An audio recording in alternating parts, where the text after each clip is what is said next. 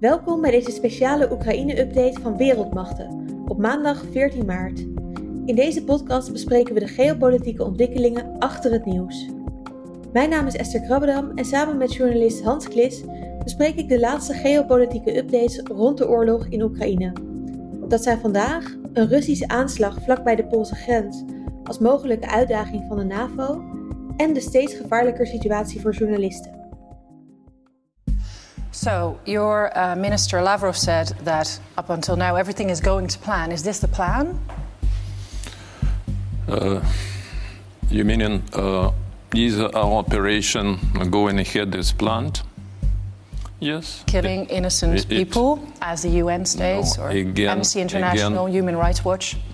What I am telling you, this is special operation, and uh, Russian We call military, it a war, you call it a special Russian operation. military do not uh, target uh, civilian population. The only target is military infrastructure. This is something that is being denied by Human Rights Watch and Amnesty International, and the UN has repeatedly warned you this week that if, you conti- if a continuous attack on innocent people constitutes as a war crime, you know this.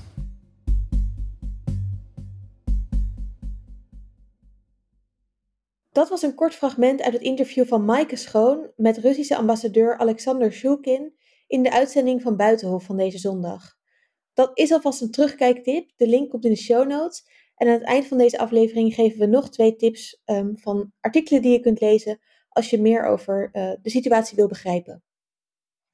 Verder eerst even een korte samenvatting van de belangrijkste ontwikkelingen in de oorlog van afgelopen weekend. De belegerde stad Mariupol zou op haar laatste benen staan. Voedsel en water raken op voor de achtergebleven 400.000 inwoners. Door aanhoudende Russische aanvallen kunnen ze niet veilig geëvacueerd of bevoorraad worden. En daarnaast is de oostelijke stad Volnovakha bij Mariupol zaterdag volledig verwoest door Russische troepen. En de NAVO waarschuwt dat Russische troepen mogelijk chemische wapens in willen zetten tegen Oekraïne. Ondertussen blijven in Rusland protesten tegen de oorlog plaatsvinden. Ook dit weekend zijn er weer honderden mensen gearresteerd omdat ze in opstand eh, zijn gekomen tegen de oorlog. Goed, Hans, laten we het hebben over de twee belangrijkste geopolitieke ontwikkelingen van de laatste dagen. Allereerst, Rusland escaleert met een bombardement op een militaire basis aan de Poolse grens. Good morning. Yeah, we've been hearing air raid sirens here overnight and this morning. These attacks are some of the closest we've seen here to Lviv since the war began. But guys, one of the major concerns is really how close they are to Poland, a NATO country, and it is escalating an already very tense situation.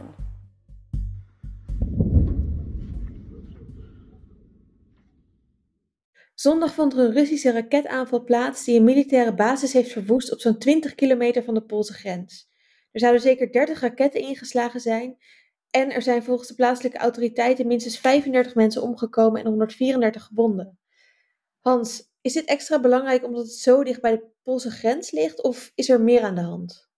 Nou, dit is een eh, grote nieuwe escalatie vanuit Rusland, omdat deze plek, het eh, IPSC, het International Peacekeeping and Security Center, eh, een plek is waar Oekraïnse militairen worden getraind door internationale instructeurs om uitgezonden te worden op vredesmissies.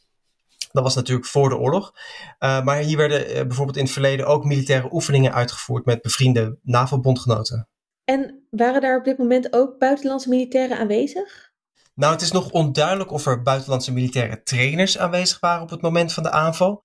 De Telegraaf meldde op zondag wel al dat er waarschijnlijk Nederlandse slachtoffers eh, bevinden onder die gewonden en doden bij de aanval. En dan zou het dan gaan om buitenlandse vrijwilligers van het Vreemdelingenlegioen om het Oekraïense leger te helpen in de strijd tegen Rusland. Het waren mensen die vrijwillig daarheen gingen. Ja, ja. Is dit dan ook een poging van Poetin om toch de NAVO te verleiden om zich in de oorlog te mengen? Want ja, als er buitenlandse militairen eh, overlijden, is dat misschien wel weer een, eh, een trigger.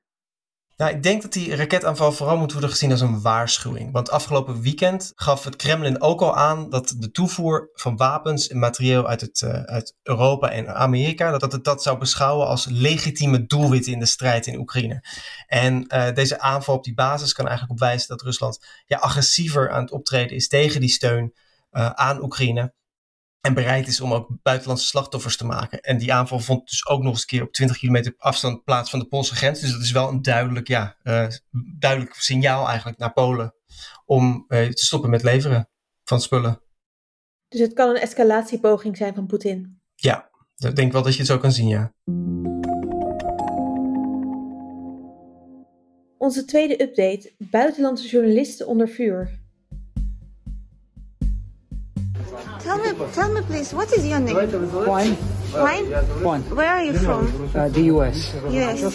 What happened to you? Uh, we were we crossed one the first bridge in Irpin.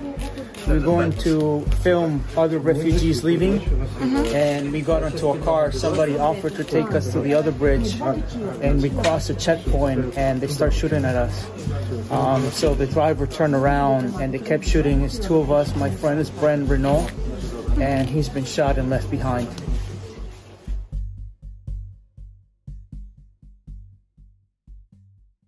Ja, je hoorde journalist Juan Arredondo, die gewond raakte bij de stad Irpin, vlakbij Kiev. Hij vertelde over zijn eigen verwondingen, maar ook over een eh, andere Amerikaanse journalist, Brent Renault. En inmiddels is bekend dat Renault echt gedood is door, door Russische troepen. Ehm, Hans, denk je dat dit soort berichten die nu naar buiten gaan komen, ehm, uh, betekenen dat buitenlandse journalisten straks niet meer die kant op gaan durven?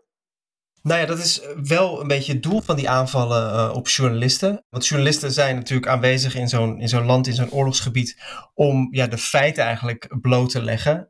Om, om getuigenis af te leggen van de verschrikkingen van oorlog, omdat ja, burgers dat niet kunnen. En met, die, uh, met een aanval op journalisten zorg je dus eigenlijk voor dat het, ja, dat het werk gevaarlijker wordt, dat mensen ja, minder geneigd zullen zijn om daar naartoe te gaan. En het is ook geen incident, die, uh, die moord op uh, Renault.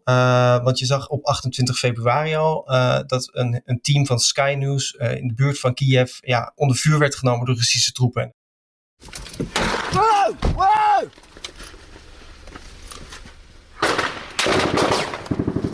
What the en het is ook niet de allereerste keer dat we, dat we dit zien. Dat er journalisten uh, uh, onder vuur komen, dat journalisten vermoord worden. Ik denk dat, de, dat we al met het conflict met Oekraïne kunnen we de parallel eigenlijk al trekken met de oorlog in Syrië.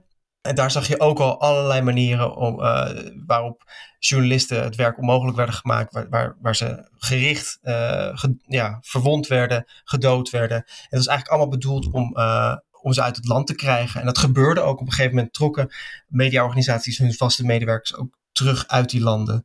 En werden we eh, als publiek veel meer afhankelijk van, van burgerjournalistiek in die landen. Ja, dus een tactiek om minder, het minder zichtbaar te maken hier. Ja. Uh, en misschien ook meer ruimte voor misinformatie uh, uit Rusland. Hm. Denk je ook dat er, uh, omdat het nu om twee Amerikaanse journalisten gaat, ook nog een reactie uit Amerika kan opleveren? En dat er misschien toch ook ja, misschien meer um, beroep kan zijn op meer inmenging? Nou, dat denk ik niet. In vorige uh, conflicten is, gebeurde dat ook niet. Uh, je zult wel waarschijnlijk een scherpe veroordeling zien van het Witte Huis. Het zal ook zijn effecten hebben dat ja, uh, bijvoorbeeld journalisten moeilijker te verzekeren zijn, omdat ja, het gebied ook stukken gevaarlijker wordt. Dus dat misschien toch als ja, dat toch voor gaat zorgen dat er minder journalisten heen gaan. Nou, we hebben het juist echt nodig dat er veel um, verslaggeving komt uit het gebied in dat buitenhof-interview, uh, waarvan een fragment hoorde aan het begin van de aflevering, werd ook weer heel erg duidelijk dat heel veel misinformatie uh, verspreid wordt vanuit Rusland. Dus um, nou ja, het is wel weer een extra realisatie hoe belangrijk, maar ook hoe gevaarlijk dat werk is. Ja, Hans, jij hebt ook nog een artikel meegenomen wat de luisteraar kan lezen als je iets meer context wil nog, als je na het luisteren van deze podcast denkt. Geef me meer informatie over de geopolitieke situatie. Um, wat, wat raad jij dan aan? Nou, een beetje een sigaar uit eigen doos. Ik, heb, uh, ik, ik, raad mijn uh, recente nieuwsbrief aan uh, over, de, over de oorlog in Oekraïne. Het gaat over de, positie van journalisten daar. De oorlog wordt steeds lelijker. En iedereen die wat meer wil weten over waarom het belangrijk is dat journalisten er zijn in zo'n oorlog, die moeten dat zeker lezen. Ik heb ook een, een tip gevonden in een draadje op Twitter. Altijd een hele goede plek om interessante artikelen te vinden. en dit artikel gaat weer, net als iets wat ik eerder heb aangeraden over de, um, ja, wat China in dit, dit conflict nou of in, deze oorlog voor rol kan hebben. Geschreven door Hu Wei, een Chinese beleidsadviseur. En hij beschrijft eigenlijk hoe hij denkt uh, dat dit conflict gaat leiden tot sowieso een sterker verenigd Westen. Maar ook dat China echt een keuze moet gaan maken op hele korte termijn. En dat tussen het, ja, het Westen, zoals hij dat dan noemt, en, en Poetin en Rusland, en hij adviseert eigenlijk dat China het Westen zou moeten kiezen. Uh, en sterker nog, misschien daar kan bijdragen aan uiteindelijk de val van Poetin en het einde van de oorlog. Um, dat eigenlijk China het enige land is die dat zou kunnen doen. Echt interessant artikel en leuk om, of, of goed ook om de, om de visie nou ja, vanuit um, een Chinees uh, politiek denker te horen. Um, zowel de nieuwsbrief van Hans als dit artikel uh, linken we in de show notes. Super interessant. Bedankt voor het luisteren. Woensdag zijn we bij je terug met een nieuwe update. En op donderdag verschijnt zoals elke week onze gewone aflevering. En deze week dat een speciale aflevering waarin we journalist Kim Gattas interviewen. Onder andere over de situatie in Oekraïne, maar ook over haar werk als journalist in Libanon. Zorg dat je je abonneert op onze podcast, zodat je de aflevering meteen in je feed krijgt zodra die uit is. En als je vragen hebt, of misschien ook luistertips of leestips die we met luisteraars kunnen delen, dan kan je ons een bericht sturen via Twitter, Instagram of vriendvandeshow.nl slash wereldmacht.